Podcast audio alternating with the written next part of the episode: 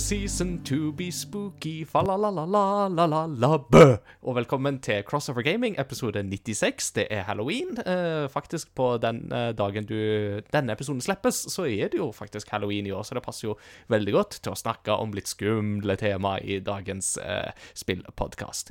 Mitt navn er Ingar Takanobu Hauge, og skal lede dette kalaset her.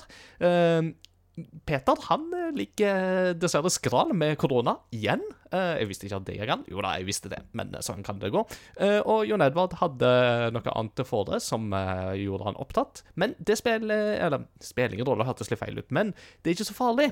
Fordi vi har for veldig lenge siden allerede avtalt at vi skulle ha en gjest i denne episoden her. Hvis dere har hørt eh, retrospillauget om Day of the Tentacle, så har dere hørt han før, men ta vel og godt imot Adrian Skorpus Landro! Velkommen, Adrian. Veldig kjekt å ha deg med. Ja, Veldig kjekt å være med. Ja, Dette her skulle vi jo egentlig fått til for et år siden, men eh, da var det et eller annet som skar seg. Så det var den gangen jeg og Peter bare måtte improvisere en episode. Jeg tror det var den gangen vi lagde episoden 'Hjelp min bedre halvdel spiller ikke', og det temaet kokte vi sammen på fem minutter.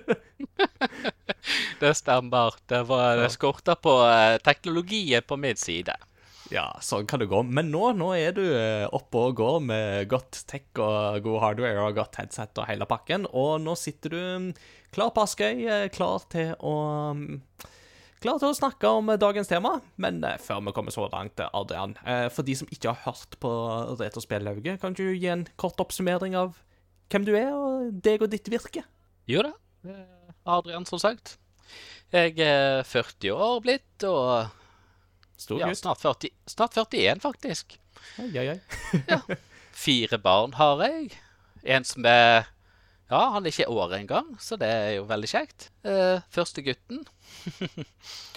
Men uh, ja, jeg er veldig interessert i gaming. Uh, har litt forskjellige spill blant, som jeg har interesse for, som annet eh, skrekkspill og, og litt sånn slåsspill og litt, litt annet òg. Litt små snacks. Litt, ja, spesielt Lego. Det er mye gøy der. Mye gøy å finne i Lego, både in real life og in gaming life. Så der er det mye bra å ta av. Uh, hvis du liksom vil på en måte slenge ut tre spill som på en måte oppsummerer liksom litt sånn Dette er Adrian uh, sin spillsmak, på en måte. Altså, Én ting er jo det at du er jo kanskje vår vårt communitys største Die Hard-fan når det kommer til spillene. Uh, men jeg, vet- jeg vet ikke om det er liksom en av de topp tre, men da får det bli en sånn bonus, om ikke annet. Men Ja, det blir, det blir bonusen, det. Eh, Men eh, jo eh, Ikke for å avsløre for mye, men jo da. Resident Evil er en av mine store favoritter innenfor uh, skrekkspillsjangeren. Det er det. Utenom det så er jeg jo veldig glad i eh, Jeg vokste jo opp med Street Fighter 2, da, kan man jo si. Og den har jo på en måte fulgt med litt der. der. Jo, la oss. Ja, Lego. Ja. Og Lego. Ja. ja. Mm. Nei, men eh, da har vi jo dekka eh, ganske mye i det vide og det breie, så ja. Eh, Du har jo allerede tisa litt dagens tema. Resident Evil er jo eh, det vi skal snakke om, sånn omsider. Dette har vi jo venta veldig lenge på å snakke om, og det passer Yes. jo for så vidt veldig godt å snakke om den type spill med tanke på nyhetsbildet som har vært i det siste. Så kanskje vi bare skal gå i gang?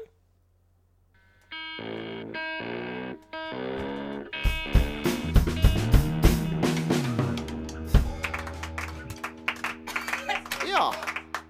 Eh, himmelsk lyd fra ungdommene. Eh, nå er det ukens kunngjøringer. Før vi kommer så langt at vi skal snakke om skrekkspill, skrekkspillnyheter, eh, så må vi jo ta for oss litt andre ting i eh, nyhetsbildet. Eh, aller først så må vi kanskje snakke om den heiteste poteten de siste par ukene, og det er jo Bajonetter 3.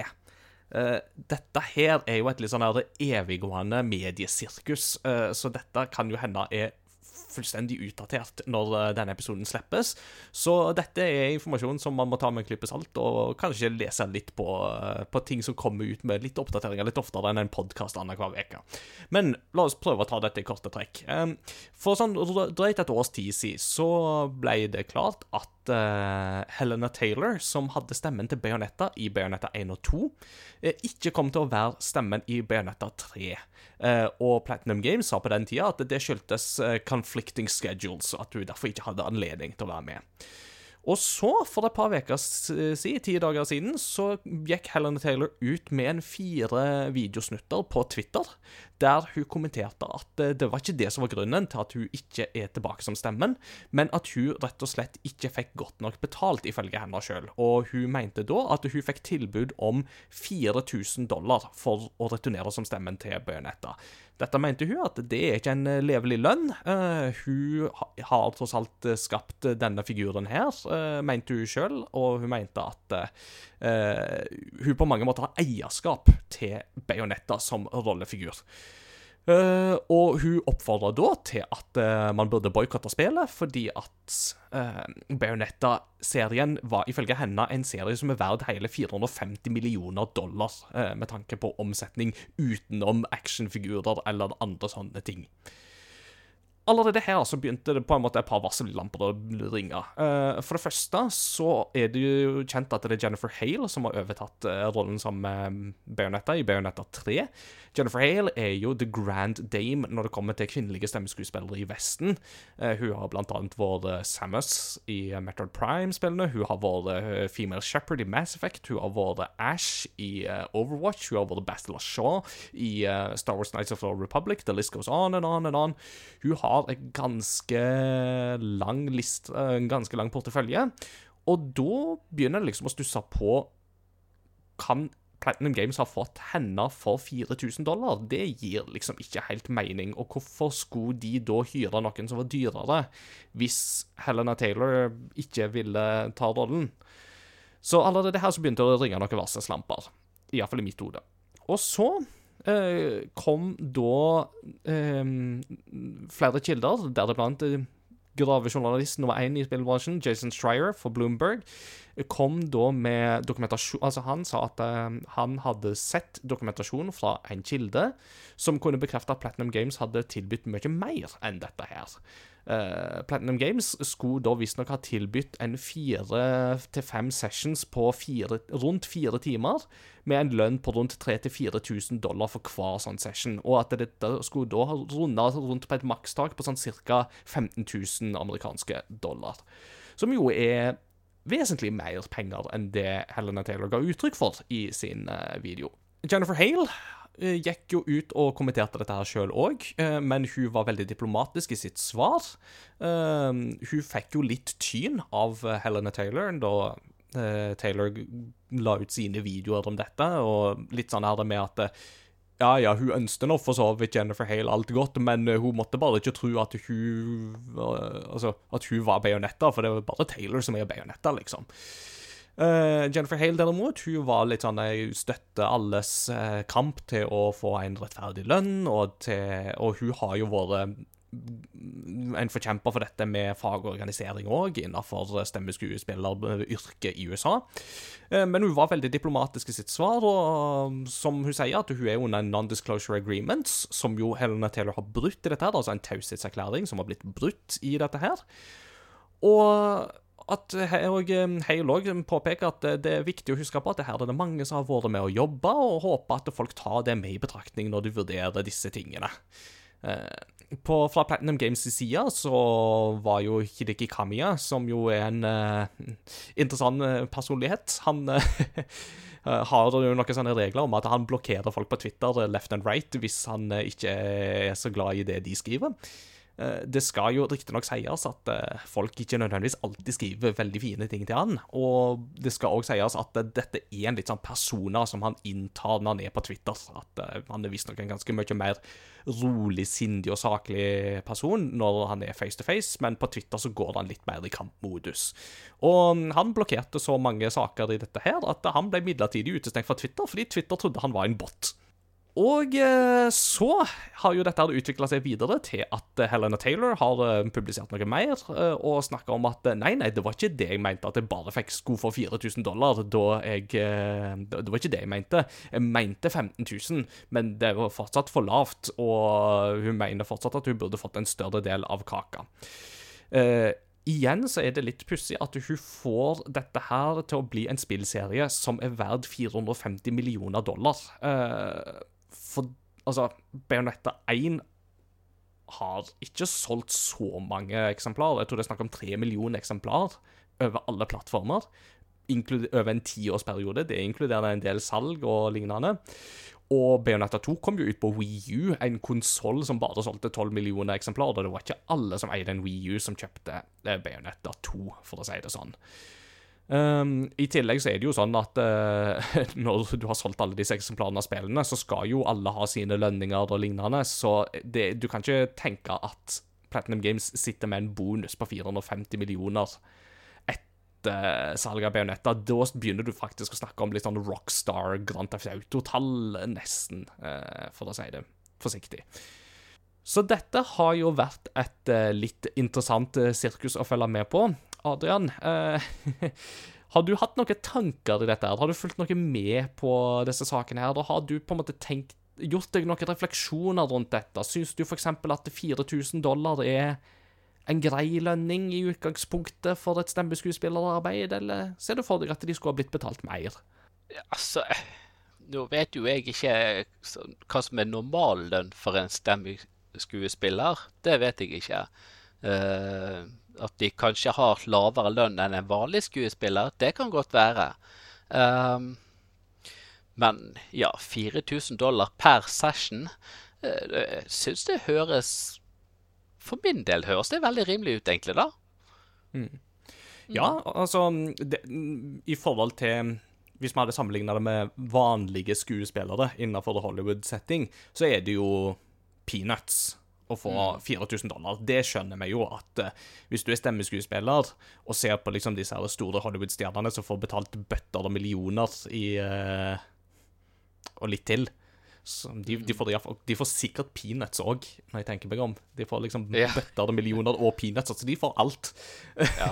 så, så, skjønner jeg jo at du gjerne vil ha mer, men det er jo et prinsipielt spørsmål her om uh, i forhold til arbeidsmengde og sånne ting, eh, så er det jo et spørsmål om det er en eh, fair kompensasjon. Eh, I alle fall hvis det var snakk om 15 000 dollar totalt for la oss si fire til fem sesjoner med fire timer i per sesjon. Eh, pluss forberedelser, så vil jeg fortsatt si at en lønn på nesten 150 000 dollar er ganske bra for den innsatsen der.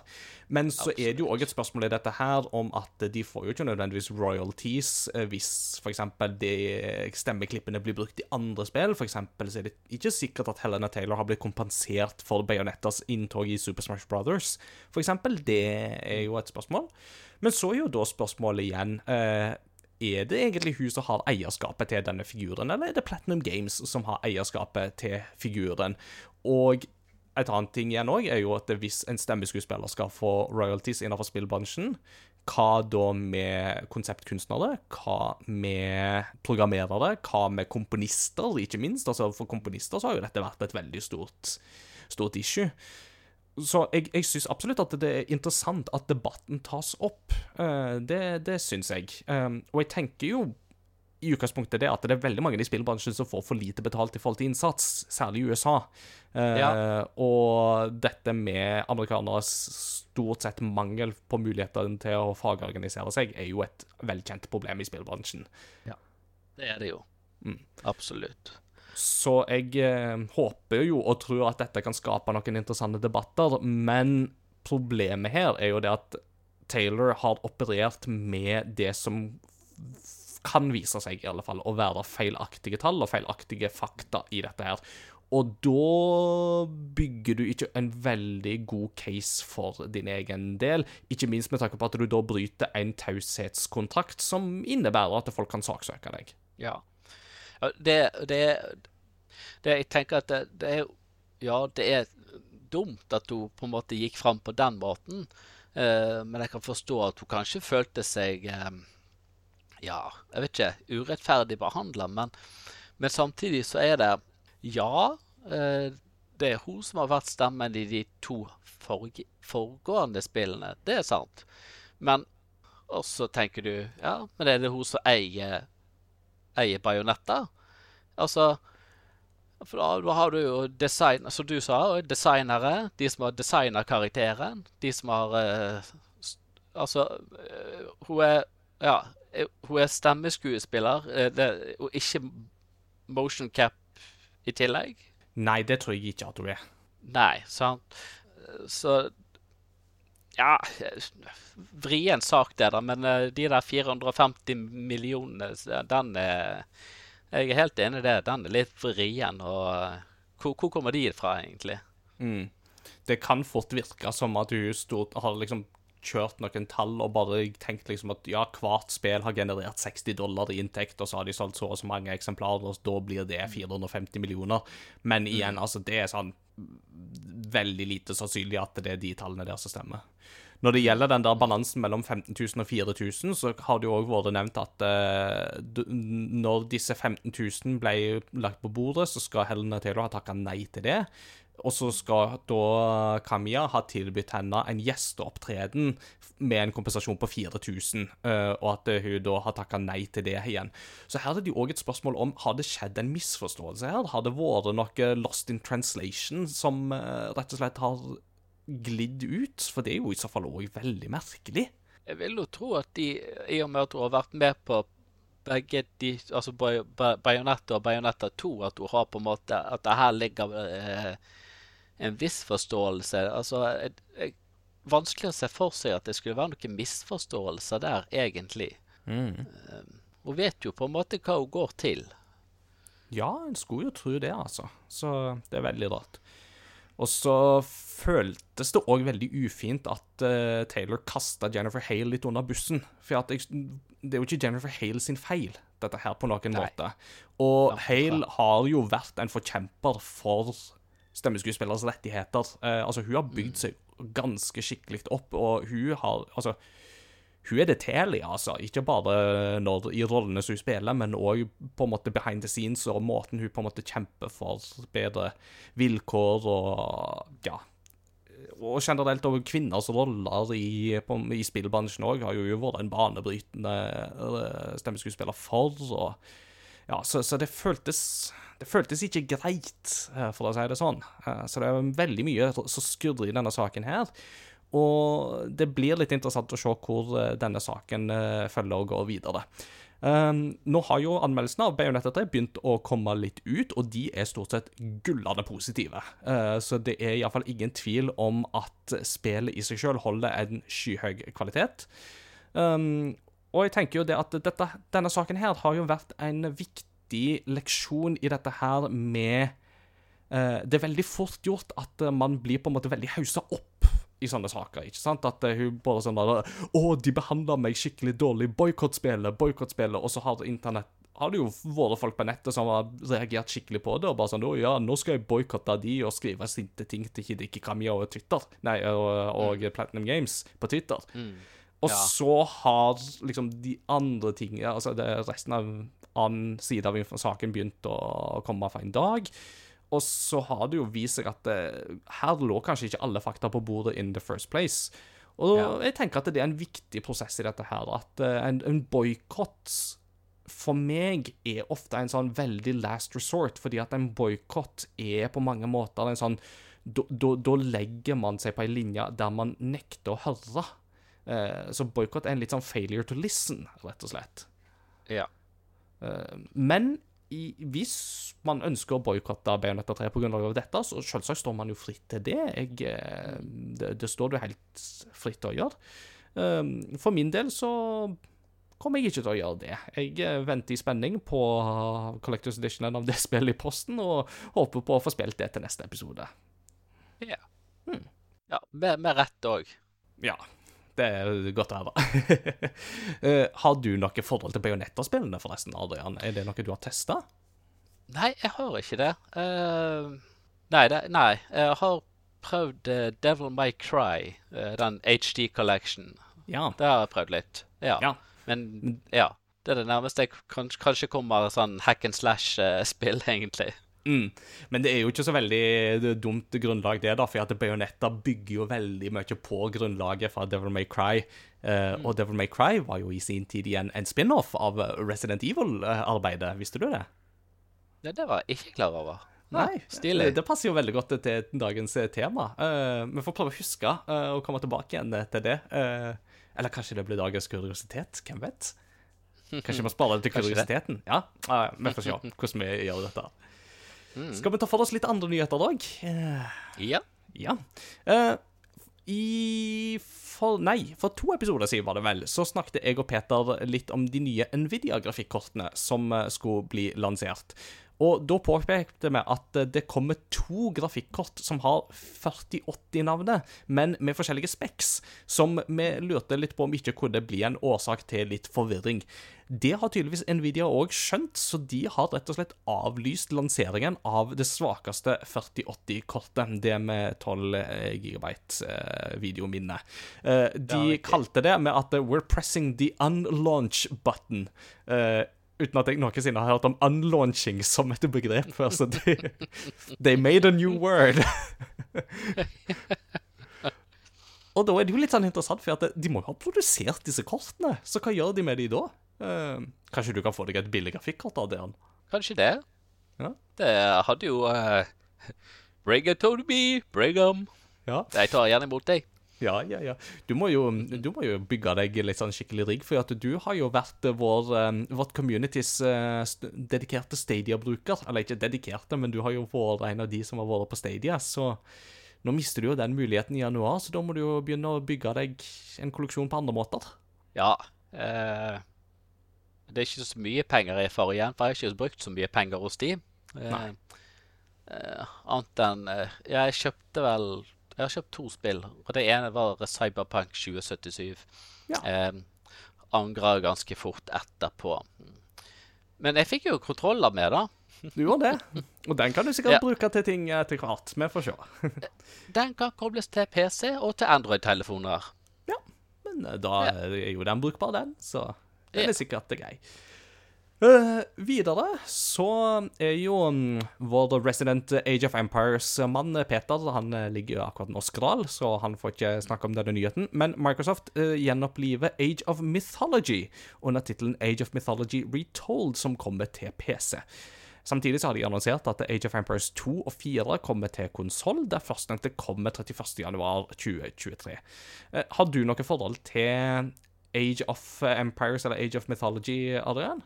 Nei, eh, jeg har veldig lite eh, kunnskap til eh, ja, Det er vel strategispill? Mm. Ja. Nei, jeg har nok ikke det, nei. Nei, men jeg mener, men jeg mener at du spilte litt Starcraft i sin tid, gjorde du ikke det? Jo da, jeg har jo vært eh, prøvd litt Starcraft, og jeg har sett folk spille de første Warcraft-spillene. Mm. Mm. Godt, godt. Um, og så skal vi til et, um, en spillserie som veldig mange av oss i Crossover Gaming er glad i, nemlig The Witcher. Uh, vi snakket um, Var vel i forrige episode, så snakket vi om alle de nye Witcher-prosjektene som CD Project Red holder på med. Det var vel snakk om syv forskjellige prosjekt og titler. altså De har jo mange baller i lufta, Ja. for å si det sånn. Eh, men Stemmer. da var det et av Witcher-prosjektene som de ikke spesifiserte mer, som de bare hadde kodenavnet Canis Majoris, altså store hund. Eh, Ja. Nå har i dag, faktisk, nei, i går, så ble det avslørt at eh, dette er da en remake av det første The Witcher, som skal lages på nytt i Unreal Engine 5. Og jeg syns jo dette er en kjempegod nyhet, fordi jeg liker veldig godt det første The Witcher-spillet med tanke på premiss, men det er veldig åpenbart at det er laga av et lite polsk studio med veldig begrensa ressurser, og det er kjempetungt å gå tilbake til. Så når folk Ja. har spurt meg jeg har lyst til å spille de gamle Witcher-spillene, bør jeg gjøre det, så har jeg alltid pleid å si du spiller The Witcher 1 så langt du gidder, eller så langt du orker. Og når du ikke orker mer, fordi at du føler på en måte at nå er dette er for røft i kantene og alt, så leser du deg opp på resten, og så går du videre på The Witcher 2, som er mye lettere å gå tilbake til, fordi at det er et ganske velpolert spill. Eh, Nå slipper man det. Nå får man da et, et spill som er bygd helt ifra grunnen av, av et studio som har vesentlig større, mer ressurser uh, enn det de har hatt tidligere. Så det syns jeg er en kjempegod Ja, ikke sant. De har jo virkelig bygd opp eh, mye mer nå enn hva de har hatt. Sikkert til å begynne med, kan jeg tenke meg. Mm. Eh, Og selv om Cyberpunk ikke var like bra, så har de likevel Den har jo hjulpet med å bygge opp eh, bransjen deres desidert. Absolutt. absolutt. Dette er jo et eh, spill som de skal utvikle i samarbeid med et eh, samarbeidsstudio, som jeg ikke husker navnet på akkurat nå. Eh, Men eh, det er ingen tvil om at de kommer til å ha Altså, de har mye ressurser til rådighet her, og bruken av Unreal Engine 5 blir veldig spennende i dette, tenker jeg. Og så kom det en nyhet i dag eh, om eh, en eh, legendarisk kvinnelig utvikler i Sega, eh, Diego Kodama, som eh, har blitt eh, Det har nå blitt kjent at hun er død i en alder av 59 år. Hun skal visstnok allerede ha dødd i april, men det er først nå, i forbindelse med en hyllest i Sega Mega Drive Mini 2, som kommer nå i oktober, at det har blitt kjent at uh, hennes dødsfall. Uh, det er ikke et navn som veldig mange av oss nødvendigvis har hørt så veldig mye, men hun begynte i Sega allerede i 1984 og har vært sentral i arbeidet med bl.a. Alex Kidd, uh, Fantasy Star, Sonic, Altered Beast og hennes kronjuvel var Skies of Arcadia, som var et sånt Sky Pirate-rollespill på Dreamcast og senere på GameCube. Jeg syns jo det er litt påfallende at dette ikke har blitt kjent før, og jeg syns jo det er litt sånn Er det litt fordi det er en kvinnelig utvikler, eller har dette bare vært liksom ønsket fra familien om å ikke lage oppmerksomhet rundt dette? Det er veldig vanskelig å si. Ja, ja, ikke sant. Hvis det har vært fra familien sin del, så har de jo vært veldig flinke å eh, respektere det, da, tenker jeg. Eh, men hvis det er tilbakeholdt, for det er jo en kvinnelig utvikler, så er den er, den er sur. Ja, altså, ikke, ikke nødvendigvis Altså, ikke holdt tilbake fordi hun er en kvinnelig utvikler, det var ikke det jeg tenkte på, men altså, hadde, hadde, hadde dette vært Shigeru Miyamoto, for eksempel, så hadde du vært kjent umiddelbart. Ja, sant. Og her har du ei som har vært i bransjen i nesten 40 år, og så går det under radaren til nesten alle. Eh, det, det, det, det, er litt trist, syns jeg. Jeg må innrømme Ja. det. Jeg syns det er Ja, litt det er trist, altså. Ja. Men en ting som ikke er så veldig trist, det er de som eh, Det er alle nyhetene som kom forrige uke om Silent Hill. Eh, Og det er jo en spillserie vi ikke har hørt om på veldig lenge. fordi at Konami har jo lenge tenkt at spill det gidder vi ikke lage lenger. Så de har jo vært veldig tause om alt som ikke har vært Pro Evolution Soccer, eller eFootball, som det jo heter nå. Men så begynner det jo å skje ting. Altså, Nå har de jo kommet med eh, Turtles Collection, kom jo tidligere i år. Og eh, Castlevania Collections har jo kommet ut stadig vekk. Og nå skal de faktisk begynne å lage Silent Hill-spill, og ikke bare ett. De skal lage fire Silent Hill-spill. Oh, wow. Så la oss bare ta dette her i rekkefølge. Uh, det skal jo da sies at det er jo ikke Konami sjøl inhouse som lager alt dette her, de har, men de har hyra inn flere studioer. Uh, og det ene studioet har jeg hørt så lite om at jeg tror nesten at det må være et nytt studio som Konami har etablert i forbindelse med dette arbeidet. Vi begynner med rosinene i. Silent Hill 2, eh, det kanskje mest kjente av de, får en ny versjon til PlayStation 5, altså en remake, som utvikles av Blooper Team, som er studioet som blant annet har laga The Medium, et sånt skrekkspill som kom på Xbox eh, Series. Eh, og så uh, til det som kanskje høres mest spennende ut for min del. Ikke at jeg er så glad i skrekk, men jeg liker konseptet her. Det er Silent Hill F, som er et nytt spill satt til Japan på 1960-tallet, med en historie skrevet av Ryukishi Zeronana, eller Ryukishi 07.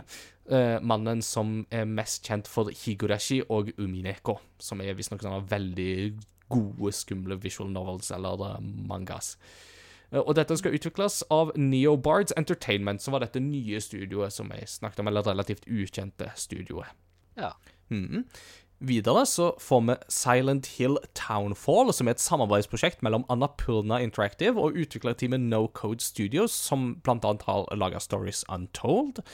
Og helt til slutt så får vi Dead by Daylight-skaper Behavior og Bad Robot Games, som går sammen om å lage Silent Hill Ascension. Eh, Et spill som beskrives som en interaktiv serie i sanntid, der spillere kan sitte sammen og følge historien og på påvirke utfallet, tilsynelatende. En litt sånn Bandersnatch eh, på Netflix-aktig konsept. Ja. Og på toppen av alt dette igjen, så får vi Return to Silent Hill, som er en ny film, eh, regissert av Christopher Gans, som regisserte Silent Hill-filmen, altså den første, fra 2006. Oi. Så her, Adrian, her er det jo veldig mye for deg å ta tak i som en eh, skrekkspiller. Absolutt, absolutt. Eh, bare den remaken av eh, Silent Hill 2 høres jo fantastisk spennende ut. Mm. Eh, og den her interaktive eh, det, det, det må sjekkes ut. Ja, absolutt.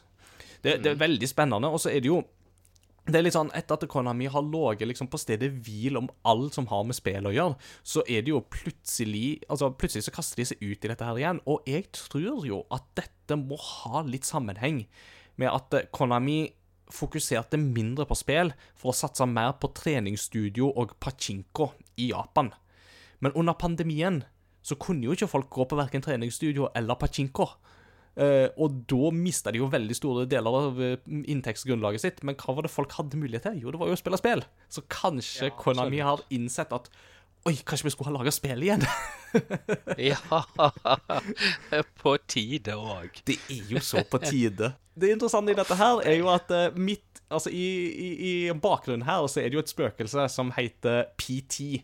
eh, altså Playable Teaser, som jo var denne her eh, skrekkdemoen som kom på PlayStation 4, som jo skremte vann av folk, og eh, som jo hadde liksom helt på slutten noe Norman Reedus i seg. Og det var jo Hidio Kojima eh, sin liksom spillbare teaser på et Silent Hill-spill som han jo i utgangspunktet skulle lage sammen med Guillermo del Toro og eh, Norman Reedus. Og så skar jo hele samarbeidet med Hidio Hideo Kojima og Konami seg. Det gikk jo helt på tverke.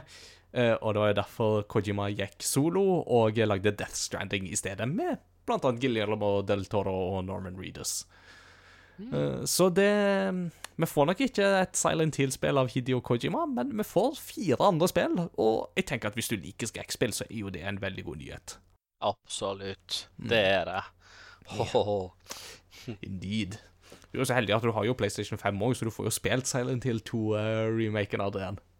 Ja, gjør det Å, det blir fint. Det er fint. Det er fint å Haptic gamer. feedback. Jeg kjenner det allerede. Å, det er faktisk et godt poeng.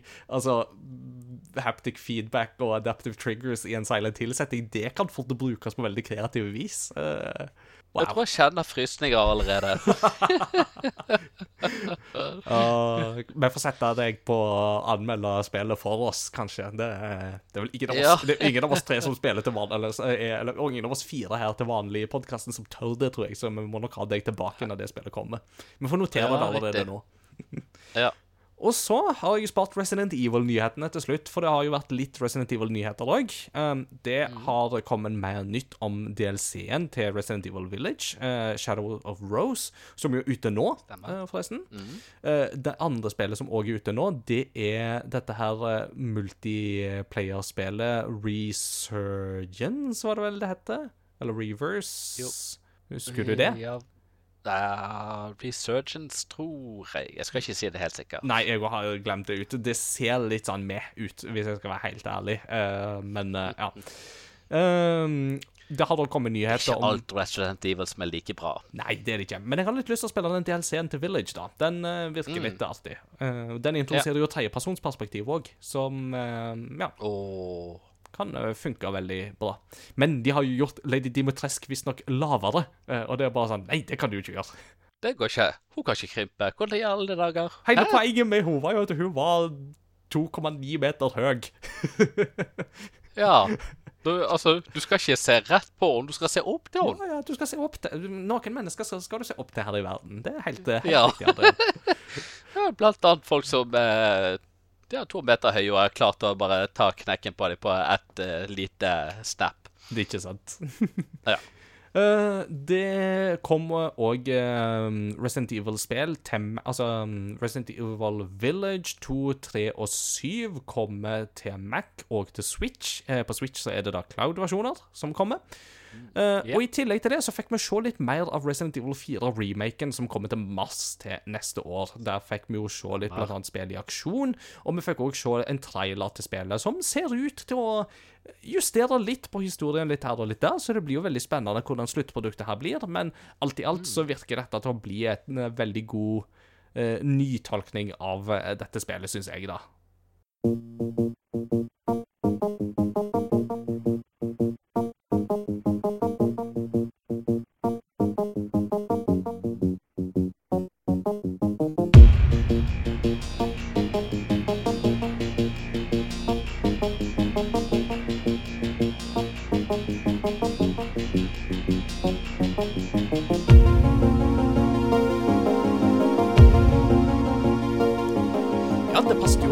Avslutta nyhetssegmentet med å snakke om Resident Evil, for det er jo det som er dagens tema.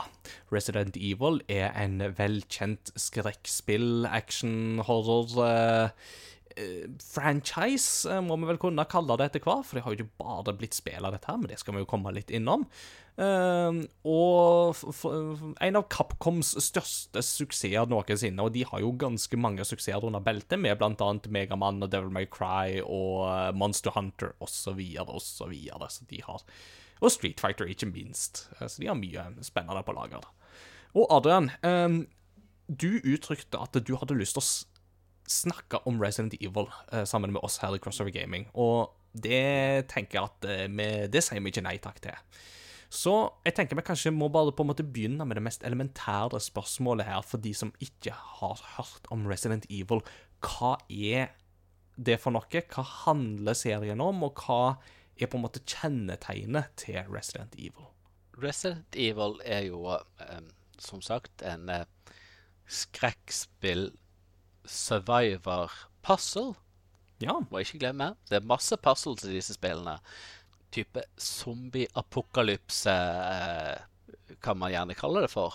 Eh, som utarbeides så begynte allerede i 1996, var det vel? Mm. Skapt av Shinji Mikami. Mm. Og det er jo ja, kanskje det mest eh, innbringende skrekkspill som eh, har eksistert Som er blitt laget av, av Capcom. Det er fantastisk bra serie med masse overraskende elementer og eh, gode Ja, faktisk eh, gode stories òg. Mhm. Mm. Ja, for dette er jo en spillserie der du har eh, Det er veldig mye historie knytta til her, med mange sentrale rollefigurer og eh, mange, mange temaer som går igjen. Eh, for dette begynner jo med dette spillet som du nevnte, ikke sant, det første spillet fra 1996. Eh, som jo forresten Det var jo egentlig tenkt som en remake av et gammelt eh, Famicom-spill som heter Sweet Home fra 1989. Visste du det? Det visste jeg ikke. Nei. Men jeg visste at eh, Jeg visste at det er òg inspirert av PC-spillet Alone in the Dark. Ja, det er det jo òg. Så det er mange inspirasjonskilder her. Eh, mm, men eh, ja, det første spillet er jo kanskje det som er på en måte best kjent eh, for mange. Det er jo dette spillet der du har eh, Det er vel Chris og Jill som er en del av politistyrken i Raccoon City, som eh, skal rykke ut et oppdrag, og så blir de jaga av noen rabiate hunder til en stor mansion litt sånn ute i det fjerne, som viser seg å være eid av Umbrella Corporations, og der møter de jo på vandrende døde i form av zombier, og man skjønner jo da etter hvert at dette er jo egentlig bare et skankeskjul for eh, bioweapons, som jo er Umbrellas store forskningsprosjekt, er jo at de har biologiske våpen som forvandler folk til zombier med dette T-virus, som det jo vel heter.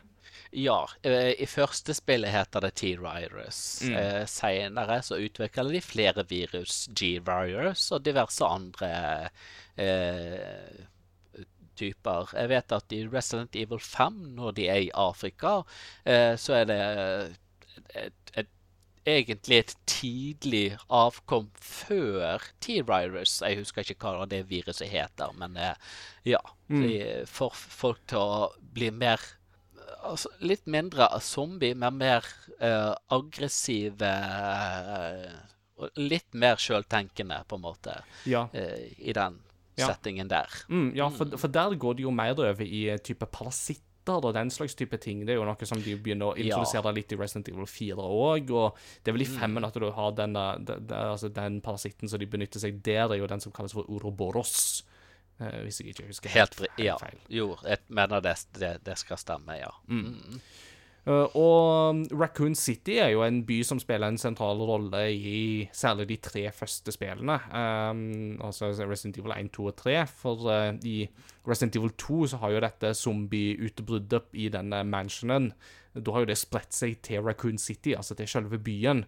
Og det er jo der vi møter. Leon Kennedy først, ikke sant? Kan du tenke deg en dårligere første dag på jobben enn den Leon Kennedy har i Resident Evil 2? Nei, vet du hva, altså uh, Yes, jeg skal begynne på ny precinct. Første dag på jobb. Å ja, det er zombiefisert. Hater når det skjer. ja Kunne ikke jeg fått et memo på det, liksom? Ja. Og jo da, han har sikkert fått en memo på det, men eh, som du sa, Resident Evil er jo en serie med mange intrikate puzzles her og der, så han må jo løse noen puzzles underveis for å komme seg fram. Eh, ja eh, han først kommer seg til politistasjonen, det er jo litt artig. Eh, da ligger det De har på en måte Syns de har gjort klar til fest. For det ligger en eh, oppskrapa banner over der, 'welcome', eh, og litt sånn eh, Ja, drinker her og der som ligger veltet. Og uh, festkomiteen ligger litt sånn strødd her og der, så Dårlig velkomst. Ja, litt sånn. De, de, de, tok festen, eh, for, forsen litt for hardt, rett og slett. Kan man Ja. Og, og, og bare sånn for å liksom uttrykke òg hvor, hvordan dette her um, Hvordan Resident Evil har en sånn tendens til å implementere liksom gåteløsning og litt sånne rare lokasjoner i dette her, så er jo denne politistasjonen i Resident Evil 2 som jo Leon kommer til, det er jo tidligere museum. Så det er litt sånn, du, du får litt sånn museumsfølelse når du kommer inn, for det er liksom bærer fortsatt preg på denne politistasjonen. Så det er jo veldig Ja.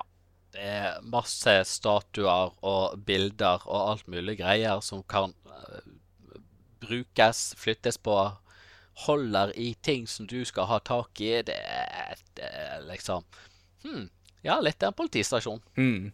Og så er det jo òg i Resident Evil 2 at vi jo møter på en sånn ustoppelig fiende, Mr. X, som han jo bare kalles, som er en sånn der Ja. mm, to the force, som bare han er bare ustoppelig og kommer etter deg hele tida.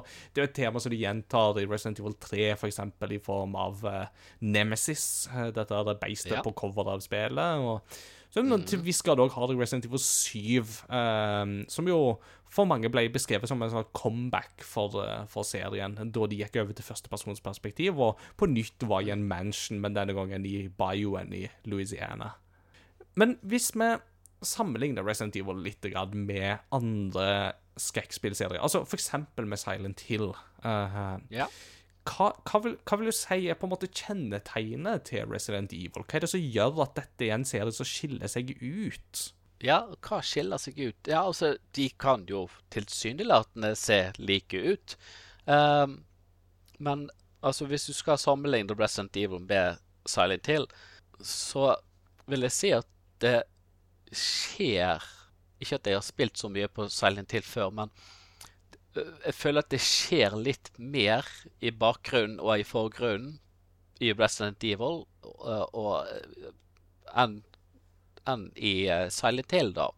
Ikke at det er noe merkbar forskjell sånn sett, men eh, ja, Silent Hill har jo eh, eh, litt mer preg av nesten demonaktige skapninger kontra eh, Resident Evil, som har, har monstre òg, men det er jo mer sånn mutasjoner og, og disse her Kan, kan man på en måte si at uh, med Resident Evil for eksempel, så handler det på en måte mer om måte den der vitenskapen gone wrong, og at det handler veldig mye om på en måte det å konfrontere det med våpen, noen ganger med mye våpen, andre ganger med mindre våpen, mens Silent Hill for eksempel handler mer om på en måte den der psykologiske skrekken, kanskje, mens Resident Evil er litt mer in your face. Er det en grei Ja. måte å si det på, Ja, kanskje? jo, det er en veldig grei måte å si det på, egentlig.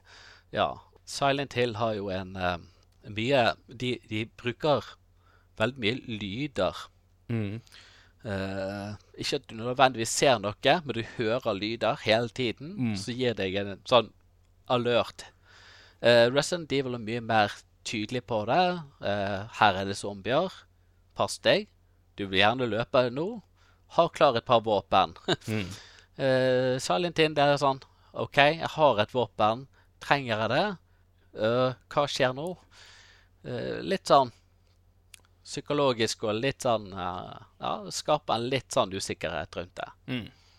Jeg fikk forresten veldig Silent Hill-følelse da jeg eh, gikk i går, for da var det grauttjukk tåke der som jeg bor, som jo er i litt sånn byområde, og det eneste omtrent du kunne se, var liksom noe sånn gatelys og sånt her og der. Eh, eller noe sånn lys fra noen bygninger og litt sånt, men det var ikke veldig tydelig, du kunne se de heller. Og jeg bare gikk, og så, og så var det litt sånn høst, og eh, veldig den der de høstfargene og sånt, i den grad du kunne se noe. Og da bare tenkte jeg, det eneste som mangler nå, det er en sånn flyalarm. En sånn Så det er sånn lur skal Ja. gå. Så, så hadde på en måte dette året seilet til, eh, satt jeg og tenkte det. Absolutt. Absolutt. Så, uten at du ser det, skal du høre. Men la oss snakke litt om ditt forhold til Resident Evil. Eh, hvordan begynte på en måte din reise med Resident Evil, og din forkjærlighet for den serien? Ja, det begynte jo på 90-tallet, det. Ja, Så du var med fra start? Ja, jeg var det. Eh, jeg og en kompis, uh, shout-out til Joakim Ja. Han eh, Vi satt og spilte eh, på, på min første ja, PlayStation X, ble det. Og uh, koste oss egentlig med, med hvert level. Og Å, der skjedde noe. Oi. Uh, ja, og så uh, Hvordan løser vi denne puzzlen? Og hvordan skal vi få dette til? Og, nei, det var Ja, det var herlig. Så det var egentlig der det begynte. Og så måtte jeg jo selvfølgelig ha Resident Evil 2 og Resident Evil 3. Ja. Så det har egentlig bare balla på seg. Nå sitter jeg egentlig både digitalt og, og fysisk format med ja, mye av hovedserien, da. Mm. Ja. Spennende. Ja, eh, Resident Evil har jo eksistert i over 25 år nå. Eh, så du sa jo du er 40, så da har du jo fulgt serien i mesteparten av ditt liv, kan, kan vi jo faktisk si. Eh, og det er jo ikke til å komme vekk ifra at dette er jo en serie som har vært gjennom mye rart opp gjennom årene. Du har jo hatt noen veldig ikoniske og banebrytende spill, som det første spillet, og Eh, særlig Resident Evil 4 er jo kanskje også et spill som snakkes ofte om. Men så har du jo noen spill som ikke har høsta like god kritikk, og kanskje ikke huskes like mm, kjært i etterkant. Så hva vil du si er de beste og de verste spillene Altså, i, i ditt minne, hva er liksom de, de beste og verste Resident Evil-opplevelser? Uh, jeg kan ta de beste først, da. Uh, selvfølgelig Resident Evil 2 og 3. Mhm. Jeg er litt over halvveis i Resident Evil Zero, som er denne tilbakeblikket Mhm. før Resident Evil. Mhm. Og eh, det er absolutt et veldig bra spill, det òg.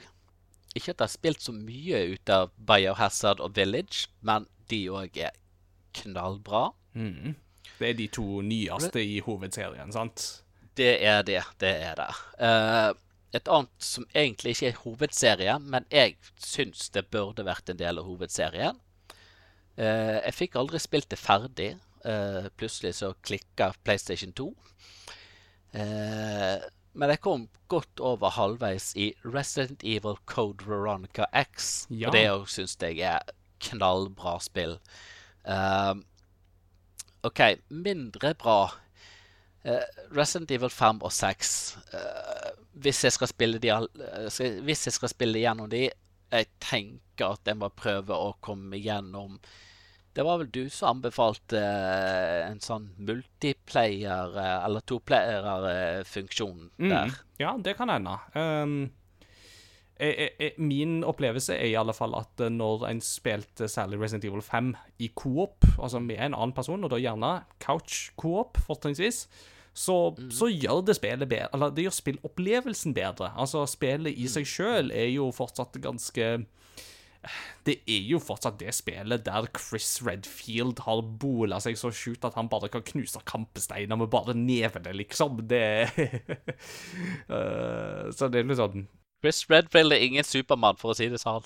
Nei, men han har, han har utvikla vesentlig mer muskler i Resident Evil 5 enn det han hadde i det første Resident Evil, iallfall. Det er det ingen tvil om. Ja, jo, de, de, definitivt. Definitivt. Uh, ja, hva andre som ikke er like imponerende? Uh, jo, der var det Raccoon City Operations, eller hva det heter nå igjen. Mm. Uh, hvor du skal spille en jeg tror du spiller en uh, Umbrella uh, Mercenary eller uh, noe sånt. og det var sånn mm. Nei, hallo. Hva er det de hva, hva tenkte de der, liksom? Det var Nei. Og så den Survivor-serien er jeg heller ikke helt fan av, egentlig. Nei. jeg um, husker et spill som um det var jo et spill der du, et sånn squad-basert spill, nesten litt sånn holdt jeg på å si, Kanskje litt sånn semi-inspirert av Ghost Recon, uh, som heter uh, Umbrella Corp. Altså Resident Evil Umbrella Corporations. Der du spilte rett og slett en skvadron ja, på fire fra Umbrella Corporations. Og det var et sånt mm. spill som var sånn Å, dette har jo egentlig kjempekult potensial, for da får du, kan du få veldig mange av de sentrale begivenhetene i sånn som Resident Evil 2 og 3 fra Umbrella sitt perspektiv. Men det ble jo aldri noe særlig, særlig underholdende. Det ble jo ikke det. Nei. Nei. Nei, det er det. Så det er jo ikke alt som er like, går i like god fisk. Nei. Og nå snakk om fisk. Det er noen skumle fisker i Resident Evil òg. De er noen zombiehaier og noe sånt òg, har de ikke det på noe tidspunkt? Stemmer det. ja, da. Noen monsterhaier, i alle fall. Det, det er det definitivt. Ja, det Jo. Det er, det er, det er riktig. Det, det, men det er jo så, det er jo bare å tappe ut vannet, så ligger der og spreller. ja, så det, går så fint, så. Ja, det, var kanskje et annet kjennetegn med Resident Evil òg. At det, er litt sånn absurd til tider. ikke sant? Så du får noen sånne situasjoner ja. som er liksom litt sånn komiske, og som får deg til å le. Som jo kanskje ikke ja. et spill som Silent Hill har, på samme måte. Det... Nei. Det, de, altså Silent Hill drar jo ikke inn så veldig mye humor at det gjør noe, uh, i, i motsetning til Resident Evil. Uh, jeg kan bare dra et eksempel fra første spillet. Uh, jeg har pleid å spille som Jill Valentine. Ja. Og der går jeg gjennom en dør kommer inn et rom, så å si nesten Ja, det er så å si tomt. OK, men det er dør til. Ja, da går jeg gjennom der. Ja, å, der henger en hagle. Ja, hagler er greit. Veldig greit. Tar den ned. Det virker som et eller annet utløser seg. Ja, OK, greit. Ja, men OK, vi går ut i første rommet som er tomt. Oi, begge dørene låser seg. Kommer deg ikke ut. Og hva skjer? Jo, taket begynner å rulle mot deg, sakte, men sikkert. Mm. Creepy! Du går i panikk, kjenner på flere dører, eller kjenner på begge dørene fram og tilbake. Etter hvert så kommer Yes, en redning.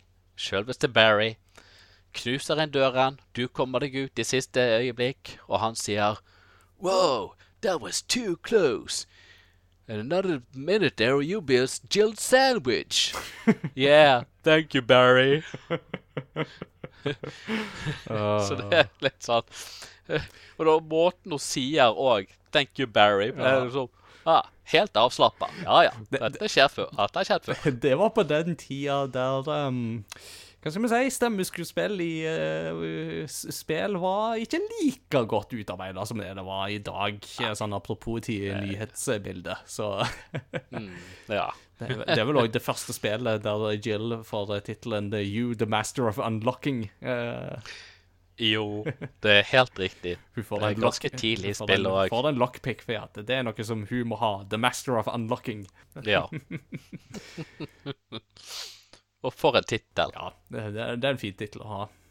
Eh, la oss eh, pense litt over på andre medier. For at Resident Evil er jo faktisk et av disse, en av disse spillseriene som ikke bare har eh, vært spill. Det har jo blitt en bråte med filmer ut av dette, som både er live action, og du har fått noen animerte filmer, og så har du jo fått noen serier. Eh, der En av de ja. nyeste er jo Netflix uh, live action-serien Resident Evil, med uh, Lance Reddick, som jo ble kansellert etter én sesong, eh, og som vi ikke får noe mer av. Så eh, er det noe her som er verdt å se, syns du, eller er det litt sånn alt er bare fjas? Ja til det siste. Det er mye fjas. altså, de live action-filmene ja, jeg, jeg, liker Milla Kunitz. Eller Jovovic. Nei, Milla, Milla Jovovic. Djokovic. Ja. ja. Altså, første filmen jeg så henne i, var jo uh, Fifth Element, og den er jo Det sier seg sjøl. Multipass. Multipass, bibadabom. Lilo Dallas. Lilo Dallas multipass. Eller Chicken Good. Den filmen har holdt seg så bra. Det kan jeg skrive Absolutt. under på. Jeg introduserte kona for denne her for et par år tilbake, og fortsatt ja, så går det jo hver gang vi har liksom hot wings, så er det alltid chicken good. ja, ikke sant. Altså, du får jo uh, Bruce Willis, du får Chris Rock, du får uh, Gary Oldman, ja. ikke minst. Ja, ikke minst. Altså, sant. Altså, uh, hallo. Det kan jo ikke bli annet enn bra. Nei. Syns jeg. men ja. Tilbake til Resident Evil live action. sånn. dere har snakka om The Unholy Trilogy. Ja, i Zelda. Dette er min. Ja, dette er min. We don't talk about it. du har sett filmen Encanto, sant? Encanto? Ja, det har jeg. Ja. We don't talk about Bruno. No, no, no, ja. We don't talk about Resident Evil live action. We don't. det er helt forferdelig. Så, så, så, så det er ingenting her du vil anbefale, rett og slett? Ikke på de. Nei. Men uh, animasjonsserier, animasjonsfilmer, jo da, det, de tar seg greit inn. Og uh, er levbare. det er ikke bare fjas. Mm. Uh, så ja, hvis folk vil se Resident Evil-filmer eller serier, gå for det animerte, rett og slett. Ja, Så det er ditt stalltips, altså? Ja. Det er det. Ja. Nei, jeg må, jeg må jo tilstå, jeg er Nei, altså, live action-filmene er ikke så veldig gode. De er jo ikke det. De er veldig sånn lav Altså brain dead action, for å bruke et uh, velplassert pønn her. Men, men ha, det er et par av de jeg er litt sånn svak for likevel. Jeg syns jo den andre filmen, 'Apocalypse', er det vel er liksom ja. litt sånn sjåverdig, ja. syns jeg, da, for det er jo den som ligger tettest opp til spillene. For det er jo den der de er i Raccoon City. Ja, og når de klarer å dra fram Nemesis i tillegg, mm. så OK. Ja, OK, you're forgiven for that part. Ja. Uh, men i første filmen uh, OK. Høyteknologisk hive dypt under jorden er bare What? Nei. Uh, sorry. It don't exist. Nei. Nei da. Det... Jeg, jeg, føler, jeg, føler, at det, Man kan ikke si kanon absolutt ikke. Nei, det, det, det, er det jo uansett ikke, og det er jo greit å etablere det her. Eh, det er en tolkning, for å si det sånn. Så. Ja, mm. ja, ja. Eh. Så uh, vi var jo litt inne på um, Vi var jo litt inne på nyversjonen av Resident Evil 4 som kommer til neste år. Og det er jo litt sånn interessant, for at Resident Evil 4 er jo det spillet i serien som har blitt gitt ut flest ganger, uh, by far. Altså, det har blitt gitt ut på Eh, det kom jo opprinnelig på GameCube. Det er jo faktisk litt interessant. var jo det at um, Capcom var veldig flinke til å støtte GameCube med Resident Evil-innhold. Altså, Der fikk du jo en ja. god remake av det første spillet. Det er jo fortsatt et av på en måte skoleeksemplene på hvordan du skal lage en remake, syns jeg, er jo ja, å se absolutt. den utviklinga fra PlayStation-originalen til uh, GameCube-versjonen er sånn veldig kult steg. Det var der du fikk Ja. det Resident Evil Zero, som du jo nevnte, fikk du òg der første gang. Og Resident Evil 4 kom jo òg opprinnelig ut på GameCube. Eh, og så Stemmer. har jo da Resident Evil 4 blitt porta til en rekke plattformer, altså PlayStation 2, PC, Wii. Wii var faktisk en kul versjon. Den spilte jeg i sin tid. Mobil har du fått. Du har fått et VR-utgave. Du har fått PlayStation 4 og Xbox. Og, ja, ja, du kan Og Switch kan du òg spille det på. Det er jo ikke måte på. Ja. Og likevel er det jo nå Ja, dette spillet som nå får en eh, remake, da. Og hva, hva tenker du? Har du trua på at det kan eh, bli bra? Nå fikk vi jo se litt eh, forrige uke. Hva, hva tyks? Uh, uten å ha sett traileren, for det har jeg ikke, Nei. så uh, tror jeg det kan bli veldig bra. I og med at dette her er, er, er på en måte det Ja, det er kanskje det mest innbringende Resident Evil-spillet som er laget, eh, så vidt jeg vet. Nei, så er jeg jo veldig spent på den remaken, da. Det er jeg. Så eh, jeg tror det kan bli veldig bra. Mm. Absolutt. Ja. Mm. Uh, litt av grunnen jo til at Resident Evil 4 ofte trekkes fram, var jo at dette var jo et spill som på mange måter revolusjonerte tredjepersons skytespill eh, i forhold til hvordan vi var vant til å spille det. For før så var det jo ofte sånn at når du spilte et third person shooter, så var ofte kameraet rett bak figuren du spilte som. Men med Resident Evil 4 så fikk du dette med kamera over skuldra til Stem- Lian. Og så kunne du skifte skulder. Ja. eller om det liksom skulle være over høyre skulder eller over venstre skulder. Og det var jo noe av det som gjorde det eh, revolusjonerende. Altså spillmekanisk sett så var det jo veldig revolusjonerende. Ja. Og det var jo òg Men der vil jeg òg si at Ja, sorry. Der vil jeg òg si at uh, Leon òg er bulka opp litt. grann. Han er litt mer buff der Ja da. Han er enn i første, eller i nummer to. Det er han. Ja da, men eh, forvandlingen er ikke like ekstrem som den som Chris Redfield går igjennom. Det tror jeg vi kan eh, Nei. Nei, det, det, det, kan vi, det kan vi slå fast. Og det var jo òg et Ja. sånn toneskifte der med fireren, for da fikk du det kanskje litt mer actionprega enn det du hadde hatt det før. Eh, For før så var det veldig eh, survival horror-fokuset, og ikke minst Resident Evil 3, der du jo måtte liksom hele tida flykte fra Nemesis, enda en sånn ustoppelig kraft, ikke sant? Mens i fireren så var det mer en en ny setting og litt mer åpne områder, og Så, så kanskje litt mer fokus på action, da, enn det det var, enn det det var før. Ja, det, det var det nok. Eh, ikke fullt så skrekkinngytende. Det, det er sant. Det var jo òg det, var- det var vel òg i Resident Evil 4 at du fikk han der eh, handelsmannen som sto rundt omkring, eh, som jo hadde den der store, lange fakken som han åpna opp, og så spør 'What are you buying?' som vi av og til refererte. 'Got some nice things on sale, stranger'.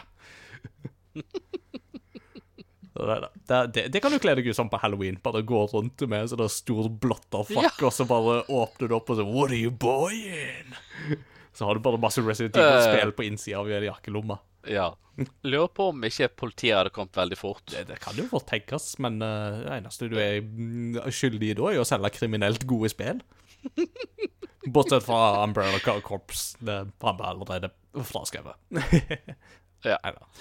Eh, sånn Ja. eh, avslutningsvis i denne temadelen her Hvis noen som hører på, tenker at oh, det hadde passa gøy godt å begynne med Resident Evil nå rundt halloween eller nå når det er høst og litt sånt, og ja Hvor bør man begynne i dette, dette sjiktet her, syns du? Begynn med zero. Mm. Eventuelt om du ikke tenker at det Ja, er det så viktig, liksom? Så kan du Ja, da må du gå for Resident Evil. Altså gjerne remaken. Mm. Uh, Den er jo lett tilgjengelig på de fleste moderne plattformer i dag, for den er jo blitt tilgjengelig der. Absolutt. Hvis du har veldig lyst på litt mer vriene puzzles, selv om det kanskje ikke er like tilgjengelig, men Resident Evil Code Veronica X Uh, For da spiller du som Claire Redfield, og er, hun er blitt sett på som den mest skarpe ut av alle karakterene som har vært med i spillene. Og så har man jo uh, i, fått uh, nye versjoner av Resident Evil 2 og 3 i ganske nyere tid, som jo er veldig gode, og det òg er jo veldig naturlig å gå videre der hvis etter at man har spilt det første Absolutt. spillet, kanskje. Så, men Ja. eh, det med Code. Veronica er jo et veldig godt tips, syns jeg, da. Ja. eh, Vi begynner å nærme oss eh, en pause, men eh, er det, noe, er det noe om Resident Evil per nå som ikke har blitt sagt, som du har lyst til å legge til helt til slutt?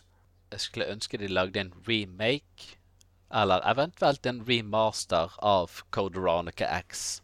Mm. Eh, det, det fortjener det såpass, for å si det sånn. Ja, Ja. det gjør det. Det ble jo opprinnelig laga til Dreamcast, det faktisk, og så ble det porta til PlayStation 2 og GameCube eh, i Ja. ettertid. eh, I Dreamcast så heter det bare Code Veronica. Mm. Eh, Code Veronica X til PlayStation 2 er en litt forlenga versjon. Ah, Så de har lagt til litt ekstra. ja. Spennende. Jo litt sånn som de gjorde Ja. med Resident Evil 4 på Wii òg. Der la de jo til litt ekstrainnhold uh, med en av sidefigurene, som jeg ikke skal avsløre. Mm. Så ja. Spennende. Ja. Nei, men det er bra. Vi tar en uh, liten pause eh, her uh, nå. Ikke skift kanal, uh, som om man skifter kanal på når man hører på en podkast. Og så skal vi ha litt lytterpost og hva du har spilt, og ja, de kjente, gamle spaltene etterpå. Så vi er straks tilbake.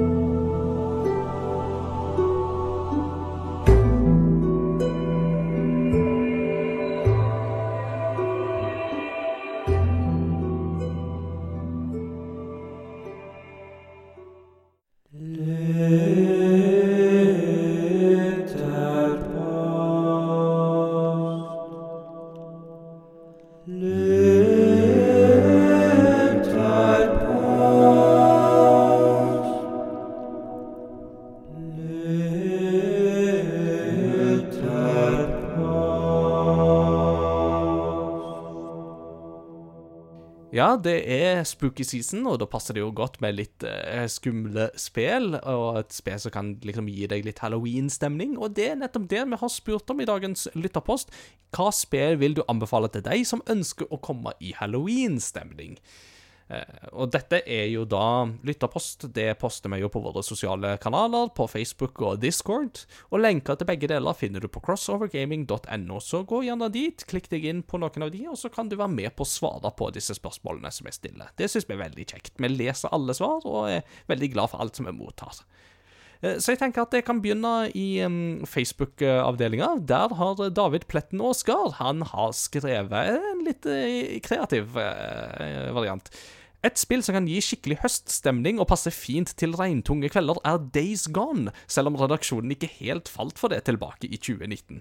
Det er noe med det å kjøre rundt i et postapokalyptisk USA på motorsykkel i høljeregn og mørke, mens zombier forsøker å spise hjernen din, Hearts. ja, og altså Jeg liker forslaget, og det er riktig at uh, jeg falt jo ikke helt for det da jeg spilte det da det kom på PlayStation 4 i 2019, men Peter har jo likt det veldig godt, og han testa det i nyere tid. Og jeg så jo litt på da han spilte det på PlayStation 5, og da så jeg jo at dette er et spill som kommer mer til sin rett. Uh, og jeg ser den, altså, at uh, Days Gone kan passe som et sånn Halloween-spill, faktisk. Jeg, sy- syns ikke det var så dumt, jeg, David. Jeg synes det var, det var et godt forslag. Eh, Adrian, er det et av eh, svarene du kunne tenke deg å eh, lese? Ja, jeg kunne jo ta Andreas sitt. Ja. Ja. Dette spørsmålet har bare to riktige svar. Det første riktige svaret er Costume Quest, og det andre riktige svaret er Costume Quest 2. Ja.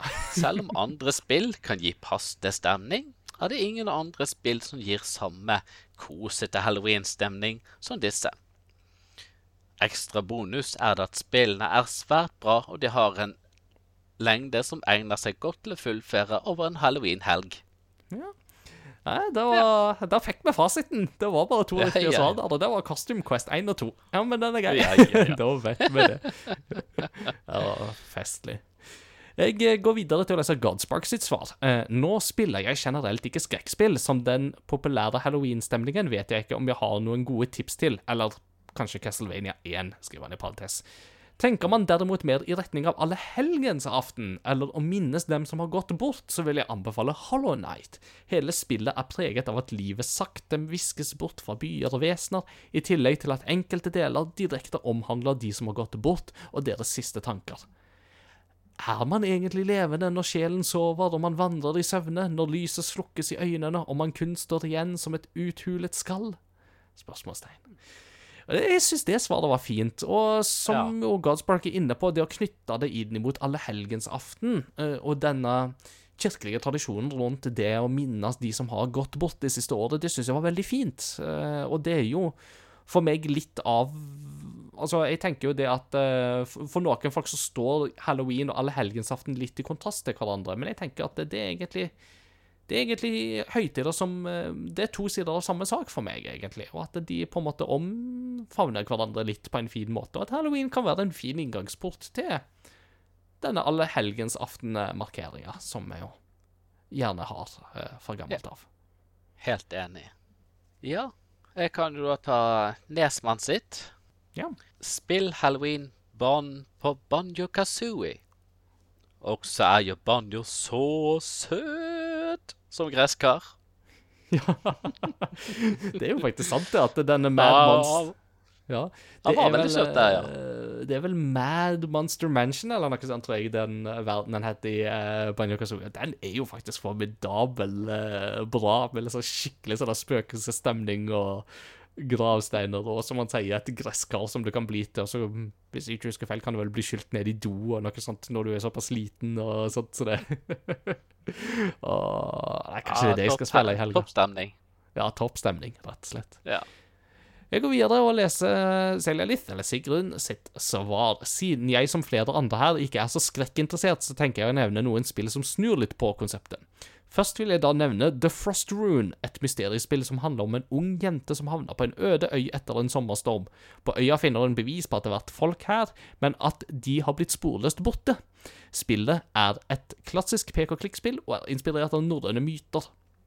Et ekstra plusspoeng er at det er utviklet av et norsk studio, og man kan spille spillet på norsk. Hey. For de av dere som ønsker en skrekkopplevelse uten å være på mottakersiden, så kan jeg anbefale Carrion. Et spill hvor du rett og slett spiller en skapning lik The Thing fra filmen med samme navn. Spillet er groteskt og morbid, men du vil sjelden oppleve at du blir skremt, og heller at du skremmer stakkars mennesker som aner fred og ingen fare.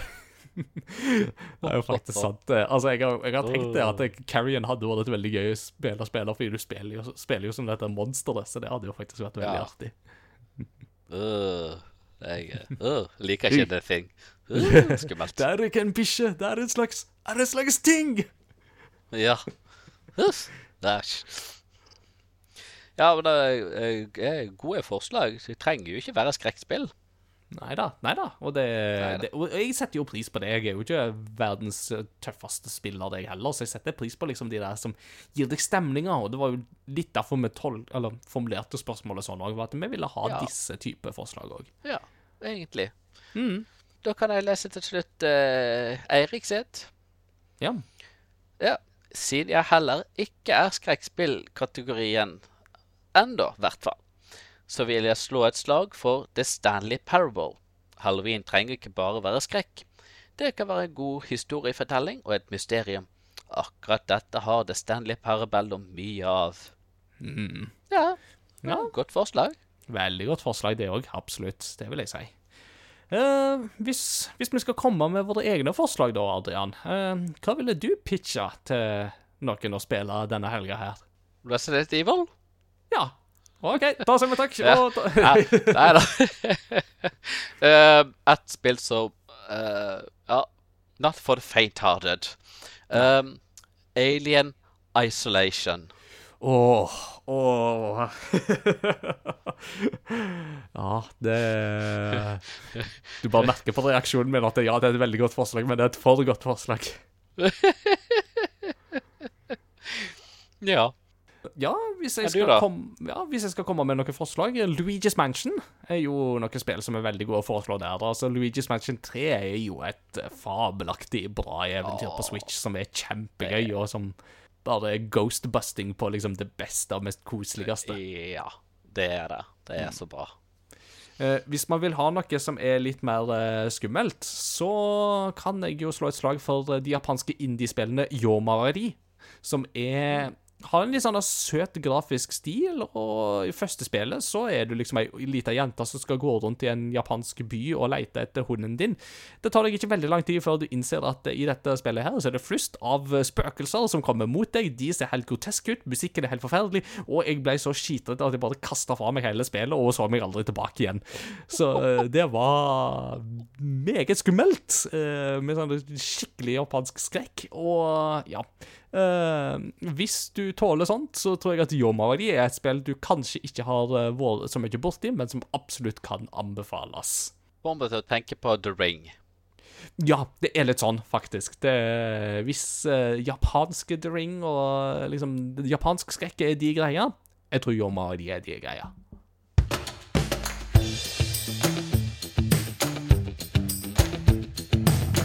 What you been playing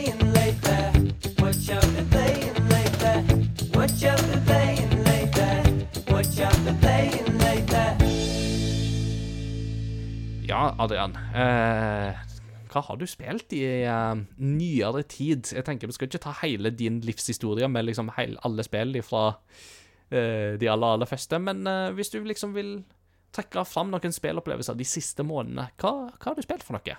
Ja, de siste månedene, ja. ja dere har jo trekke fram Day of the Tentacle, da. Ja. Som vi spilte med retrospillauget. Det var veldig koselig. mhm. Det har jeg forresten spilt igjen. Eller begynt å spille igjen Ja, med hun minste. Mm. så gøy. Hun syns det er så gøy. Hun klarer ikke å eh, slette det fra seg, altså. Det, ja. Så artig. Uh, Ja, det er jo kjempegøy at uh, et pek-og-klikk-spill fra tidlig 90-tallet kan resonnere så godt med dagens unge. Det er jo faktisk kjempespennende. ja. Uh, foruten det Lego Harry Potter, Years 1 to 4, Ja. eh, er vi godt i gang med. Mm. Og så har jeg spilt litt på Marvel Spiderman. ja eh, på PlayStation, da. Ja, på PlayStation 4, ja. Mm. Ja. Og det var jo veldig artig. eh, Både nerde litt som Peter Parker, og det å bare banke løs på skurkene som eh, Spiderman, det var eh, midt i blinken. Det er en var det. opplevelse. Det er en opplevelse. Uh, ja, så dere sier en voldelig jazzballett. Ja, det kan du si. Det spillet går som en dans, det er det ingen tvil om. Ja, Absolutt. og den der eh, Det å svinge seg mellom uh, skyskapene i New York, det er artig, det, altså. Ja. Og foruten det ja, tok opp igjen uh, Crash Bandicoot Insane Trilogy. Jeg likte det igjen og prøvde, prøvde litt mer på det. Det er fortsatt et av mine vanskeligste, men ganske gøy plattformspill. Ja. Det, det, er helt Det er helt riktig at det er vanskelige greier, altså. Det, det var vel nerdelandslaget, tror jeg, som snakket om Crash Bandicoot for et par episoder siden. Og da var det vel snakk om det at eh, altså, designfilosofien til det første spillet visstnok var sånn at det å ta Altså, hver kasse skulle være et lite hakk vanskeligere å ta enn den forrige kassen. Og når du da eskalerer Ok. dette her oppover, liksom, oppover, oppover, oppover, så blir det jo til slutt helt formidabelt vanskelig. Ja. Definitivt.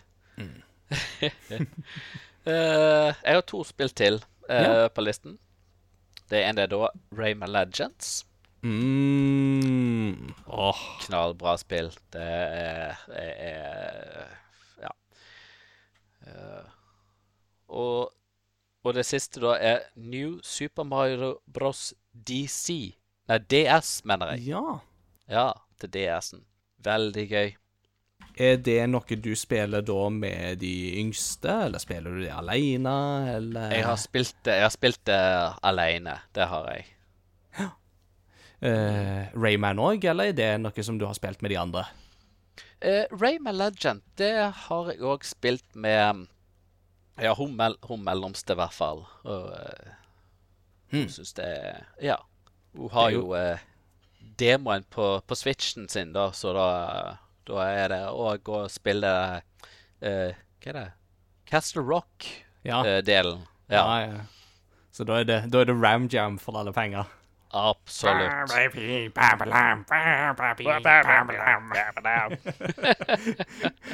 Fins det noen bedre måte å lære dagens unge 70-tallsrock på? Jeg bare spør. Det uh, I så fall skal de være lent, leite godt og lenge. Det er det ingen tvil om. Ja. Nei, herlig, herlig. Ja, er det min tur da, kanskje? Ja. det er noe med- ja. Nei, Nei, jeg, jeg eh, spiller eh, ballen over til deg. Skulle aldri sagt at jeg har spilt uh, Shredders Revenge, men det har jeg ikke fått tid til å prøve ennå. Nei, men du har fått det nå i alle fall, så jeg at du Å postet bilder. ja. Absolutt. Jeg gleder meg til å høre hva du syns. Jeg, mm. det, det synd at du har det på PlayStation, for hvis ikke så kunne jo vi ha spilt i lag. Men den har ikke crossplay med PlayStation. Nei, ja, det er det, sant? Ja. Sånn er det. Ja, ja. So, so close, but so far. Kanskje jeg bare Still må no kjøpe det. Ja, kanskje jeg bare må kjøpe det på PlayStation 4 og Switch òg, bare sånn at jeg har det på liksom dekka over alle plattformer.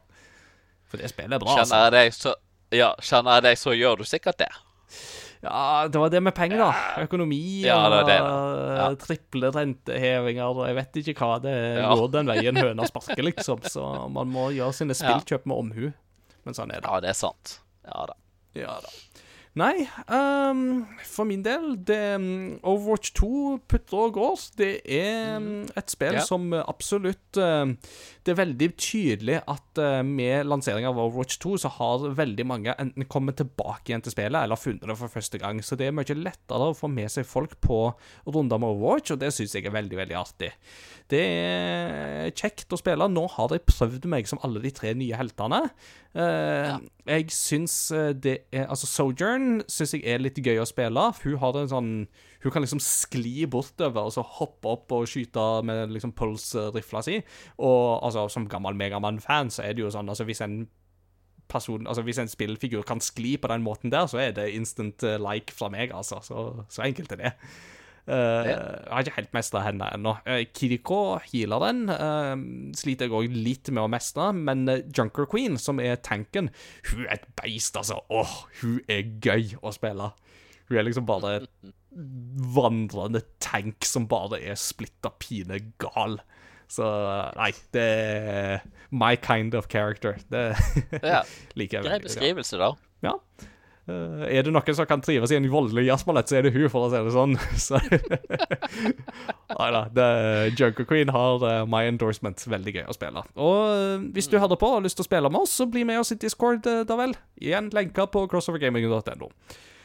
Og så har jeg pusla litt videre med Megaman Legacy Collection 2. Jeg har uh, spilt ferdig Megaman 8, som eh, var litt sånn Ja, ah, det var ikke Megamanns høydepunkt, det heller, for å si det sånn. Det var det ikke. Men jeg gikk videre og spilte Megaman 9, og det er et spill som eh, jeg har veldig gode minner fra. For det var et spill som Capcom lanserte til WeShop i sin tid, altså digitalt på Wii. Og det var et spill som de lagde i liksom gammel Nes-grafikk og Nes-stil, så da tok de Megaman tilbake til originalformelen. Og det spillet tror jeg ikke jeg har spilt siden det kommer på Wii, og det var veldig gøy å spille det på nytt. Det har holdt seg veldig bra. Det har liksom et stramt og godt eh, banedesign, kule bosser, kjempebra musikk. Eh, så veldig, veldig artig å spille det igjen. Og så har jeg gått litt videre da til å spille Megaman 10 i den samlinga. Og det er liksom mer av det samme, men jeg føler at det ikke er like stramt og like mm, nyskapende som det Megaman 9 var i sin tid. Så eh, det sliter litt med å holde på meg. Eh, Det gjør det. Men eh, det er veldig greit å ha når jeg skal ta T-banen litt fram og tilbake her og der. Så og så har jeg, for Game Reactor, så har jeg spilt et spill som heter Asterigos, Curse of the Stars. Eh, ved første øyekast så ser dette ut som en slags blanding av Kana Bridge of Spirits møter gresk mytologi, så du kunne nesten trodd at det var en blanding av Kana og Immortals Phoenix Rising. Det viser seg derimot at det er mye mer enn Dark Souls-klone enn eh, noen av disse her. Du uh, går rundt i liksom byområder og sånt. Du slåss imot fiender og du lagrer ved sånne magiske speil, som i praksis fungerer akkurat som leirbålene i Dark Souls, og hvis du dør, så respawner du ved disse her, og hvis du lagrer ved disse her, så respawner fiendene. Eh, og du møter bosser som krever en salig blanding av våpenskifter og dukking og counters og så videre og så videre. Problemet er at det, alt er veldig sånn dette er det første spillet som dette studioet lager. De heter Acme eh, Game Studio. De er fra Taiwan. Eh, og de skal ha for forsøket, men alt blir veldig sånn low polish, rett og slett. Altså, grafikken er veldig plastikkaktig. Historien er langdryg og kjedelig, og veldig mye av dialogen er liksom bare sånn der Oh, I can't tell you this. Uh, you will learn later on. Eller sånn der uh, sånn, You will understand. Uh, oh, eller You couldn't nei. possibly Altså, det er så mange sånne ting hele tida, og det, det blir sånn du, Til slutt så slutter du egentlig bare å bry deg om historien, for at du får liksom ikke levert Ja, den er uansett ikke så veldig spennende, for å si det forsiktig. Uh, og musikken er ekstremt tam og anonym. Den er nesten ikke-eksisterende i dette her. Og Å, nei. ja. Så alt i alt, det var Jeg brukte en Eller jeg brukte fire av feriedagene mine på å spille dette spillet her. Og jeg kjenner i etterkant at det, det kunne jeg latt være. Eh, det oppdraget der, det kunne jeg ha sagt nei til, rett og slett. Så det ble ikke en po sånn, sånn veldig positiv anmeldelse for meg på Game Reactor for det spillet der. Give me my vacation back. Ja, litt sånn. Men jeg kan ikke eh, klage når jeg tross alt tok det på meg frivillig, da. Det, sånn er det som frilanser. Eh, Men et spill som jeg endelig har fått begynt på, som eh, gir meg vesentlig større spillglede, det er Tunic. Det har jeg fått begynt på nå i ferien. Ja. Og det har jo flere her snakka varmt om. Det har jo eh, Mats Jakob har jo snakka svært varmt om det, og det har jo vært en sånn eh, favoritt blant mange i eh, communityet, og vært en sånn het Game of the Year contender i spillcommunityet. Og jeg må si at jeg ser den, altså. Dette er et, dette er et eksepsjonelt godt vellaga spill. Eh, se for deg litt Links Awakening, litt Fez og en liten touch med Dark Souls, kanskje. Eh, og det hele er mer eller mindre laga av én person, hvis jeg ikke tar helt feil. Og det er så polished, det er så bra, og musikken er top notch. Altså, Tunic alt det som Asteragos ikke er. For å si, si det sånn, da. Og det er liksom og, og, og det beste her er jo det at eh, du spiller jo som en liten, søt, koselig rev som har på seg en tunika. Ja. Det er jo derfor den heter tunik. Ja. Og den reven Jeg blir aldri lei av å se på hvordan den beveger seg og sånt. Og så er det noen av disse kampene i dette spillet som er blodvanskelige. Altså, la det være Ikke eh, tro at dette her er et lett eventyr, altså, for en bosskampene her kan være brutalt vanskelige til tider. Men okay, det, ja. er- det er bare å prøve igjen. Det er bare å prøve igjen. Du, du må bare lære deg å lese fiendene, og så klarer du det til slutt, altså. Og en ting som er veldig kult med dette spillet her uh, Dette blir bitte litt spoiler, ikke, eh, så hvis, hvis du ikke vil ha noen ting om spillet, så bare hopp ett minutt eh, fra nå. Eh, men det er ikke noe farlig, Adrian. Eh, jeg lover. Um, I dette spillet så er all informasjon er skrevet på Eller nesten all informasjon er skrevet på et språk som du ikke kan lese. Eh, det er noen engelske ord her og der, men veldig mesteparten forstår du ikke. Men rundt omkring på brettet så kan du plukke opp sider til en instruksjonsmanual. Så du vet sånne som vi fikk i spill i gamle dager, og den instruksjonsmanualen er så utrolig detaljert og fint laga. Det er som disse gamle manualene jeg fikk til japanske spill, og sånn som det var med de japanske spillene som jeg vokste opp med. Jeg skjønte jo ikke alt som sto, men jeg forsto noen ting her og der, og jeg kunne forstå ting utover bildene. Akkurat sånn er det gjort i Tunic òg. Det er noen engelske ord her og der, eh, og det gjør at eh, du lærer deg nye ting underveis i spillet som du alltid har kunnet. Det er bare at du har ikke oppdaga det før nå. Ah. Det er helt genialt. Og dette brukes jo òg da for historieformidling og historiefortelling. Og det er en sånn For meg så er det en sånn det, Sånn skal det gjøres, altså. Så Tunic det, det er absolutt et av eh, de bedre spillene i år, og med tanke på at dette er et produkt for én enkelt person, så er det, det er kjempeimponerende hva som har blitt snekra sammen her. Jeg eh, vil absolutt anbefale Tunic allerede nå. Jeg, hadde et håp om å bli ferdig med det før episoden ble spilt inn. Det har jeg ikke helt rukket, eh, fordi at eh, spillet viser seg å være litt lenger enn det jeg hadde trodd. Ja, ja, ja, men sånn. Men uh, moro er det lell, altså. Så dette kan varmt anbefales.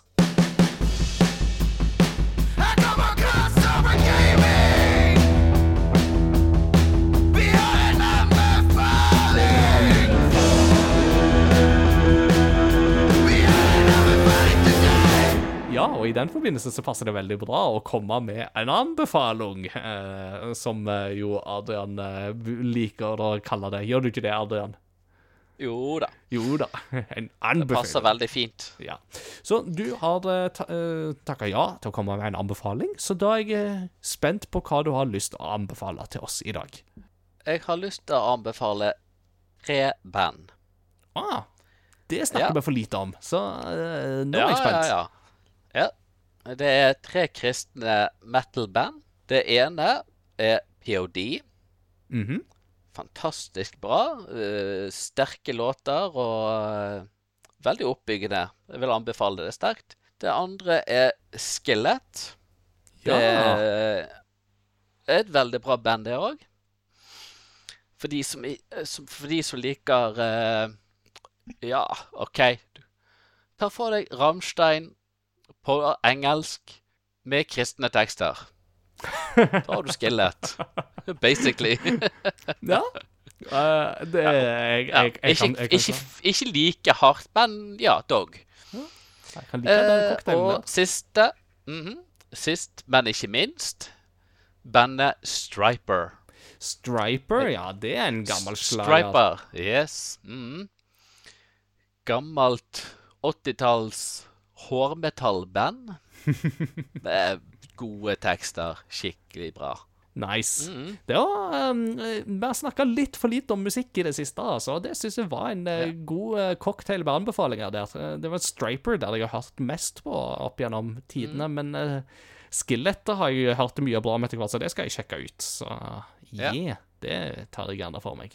Så det var POD, Mm. Skillet og Striper som var da dagens anbefalinger. For da Adrian.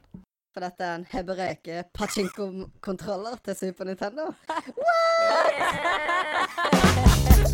It's curiosity. What are you gonna show to me? It's curiosity. What a neat thing to know. It's curiosity. What are you gonna show to me? I haven't even heard of it. What a neat thing to know. It's a great part of the show. Ja, når det gjelder kuriositet, så Jeg hadde jo en på lager, men så snakket vi jo litt om dette her i del 1 i liksom eh, Når vi snakket om eh, Resident Evil. eh, Så var det jo dette her med at det er jo en kobling mellom Devil May Cry og Resident Evil som du ikke var klar over, Adrian. Så da kan jeg jo ta den. Ja. For det er jo litt gøy. Fordi da Shinji Mikami skulle lage Resident Evil 2, så var jo det en prosess som var litt mer krevende enn det de først hadde sett for seg. Eh, og da hadde han jo med seg en annen person som jeg snakka om i eh, dagens episode, nemlig Hideki Kamiya. eh, mannen som jo har gått over til Platinum Games og blant annet eh, leder arbeidet med Bayonetta og The Wonderful 101. Eh, så da Kamiya uh, For Kamiya var vel den som le... Han var vel director på einen, og så var vel Mikami var produsent, om jeg husker helt riktig. Det kan jeg jo for så vidt uh, se på litt her og nå mens jeg snakker, og dra det litt ut. Ja, director var Hideki Kamiya, og producer var Shinji Mikami, så Mikami var fortsatt sentral i det arbeidet.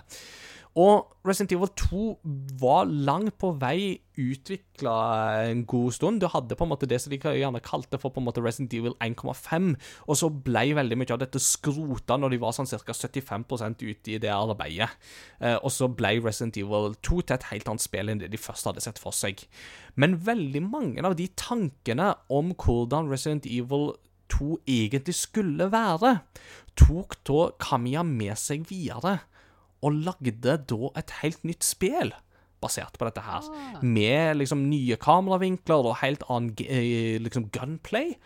Og dette utvikla seg da etter hvert til å bli en mer sånn akrobatisk eh, hack and slash gunplay, som med en eh, helt i en eh, rød, lang trenchcoat og sølvhvitt hår som heter Dante. Og det var der vi da fikk Devil May Cry. Så Devil May Cry begynte egentlig som et Resident Evil-spill, som da ble skrota, og så ble en del av de ideene miksa og triksa en del om, og så ble det da rett og slett til Devil May Cry. Så der har du den koblinga der, faktisk. Ja. Og så har jo da Devil May Cry senere gått videre til å inspirere Bayonetta, og så har vi jo fått en andre spill liksom av den sorten der, så ja. Ja. Mm. ja, det var kult. Ja, jeg syns det er litt, eh, litt artig ting å trekke fram. Vi kommer til veis ende i kveldens episode, og da Men så, som vanlig, vi må jo ha et postludium og ut, utfa, utfase, utlede denne Avslutte denne episoden med. Og da lurer jeg på, Adrian, har du noe spillmusikk å anbefale til oss eh, som postludium? Kanskje noe Resident Evil-relatert? Eh, I og med at episoden har hatt litt at Siden vi har prata litt om Resident Evil og Ja, Save Room. Ja. Det passer fint. Da, det, da, du, da får du litt musikk som gjør at det, OK, ah, puste. Nå kan vi slappe av. Mm. For det er en litt mer roligere atmosfære i, i de save-roomene. Mm, ikke sant. Det, det, det tror jeg passer godt å få noe som er litt sånn skummelt, men samtidig litt trygt og litt godt. Det kan jo passe godt på en halloween. Ja. Adrian, dette var veldig kjekt at vi fikk anledning til det. det. Vi prøver jo å treffes når jeg er på Vestlandet, men det er jo godt at vi kan få noen sånne digitale treffpunkt av og til òg. Og takk for at du eh, tok deg tid til å dele tykt og tynt om eh, en serie som eh, du har fulgt så å si fra starten av. Det syns jeg, og som du åpenbart har en person for. Det setter jeg veldig pris på. ja. Vel, takk for at jeg, eh, for at jeg fikk eh, være med. Det var veldig kjekt. Mm. Eh, hvis folk eh, har, eh, vil ha tak i deg, så er du jo en del av vårt Discord-community. Du er jo ikke vanskelig å få tak i der, og det syns jeg at folk bare må slenge seg på. Det er kjempehyggelig å være en del av den gjengen der, og vi setter pris på alle som er med der. Der er det trygt og godt å være, og vi har uh, nice and civil tone og alt uh, det som hører med der, så det håper vi at folk kan være med på og bygge videre. Det hadde vært kjempesupert om du blir med der. Vi er tilbake om et par ukers tid, så vi snakkes ved neste korsvei. Ha det bra! Ja,